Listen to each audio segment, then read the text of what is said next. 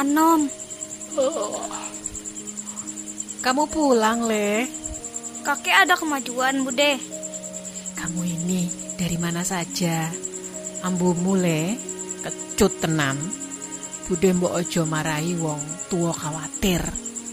Kakekmu semalam ngigau. Mau ke mana, Bude? Pulang.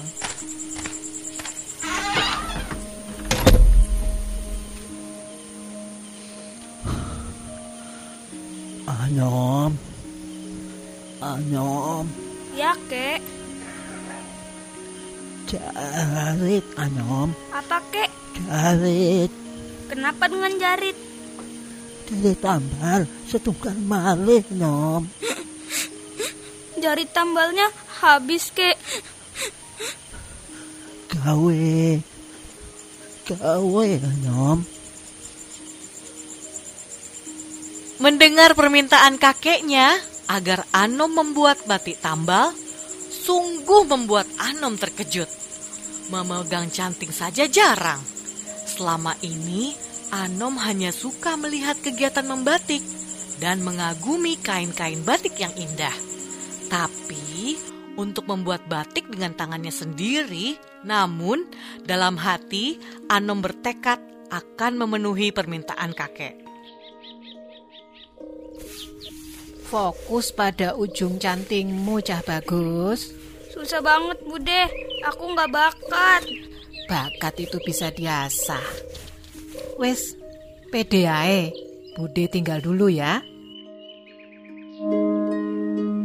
Sepeninggal Budeworo, Anom kembali menggores ujung cantingnya. Ini entah kain keberapa yang dirusak dengan motif abstraknya. Meski nyaris menyerah, hati kecil Anom terus terdorong untuk belajar membatik. Anom punya rencana dan berharap saat rencana itu terwujud, kakek masih bisa menikmatinya. Tiap hari Anom berlatih membatik. Entah berapa kain terbuang percuma karena goresan malam yang ditorehnya terlalu berantakan untuk diteruskan. Sampai akhirnya tangan Anom semakin luwes dan kesabarannya mulai terlatih. Hingga tidak terasa sebulan telah berlalu. Budeworo sudah bisa tersenyum lebar melihat hasil kerja Anom. Nah, tuh kan. Bakat itu bisa diasah, Le.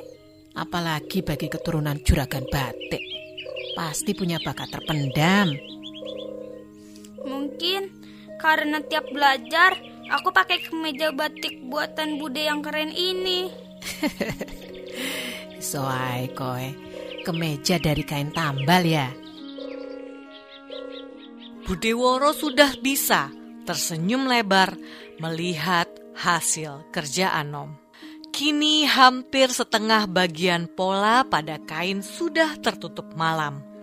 Perjalanan masih panjang bagi Anom untuk mempersembahkan batik tulis motif tambal buatannya pada kakek.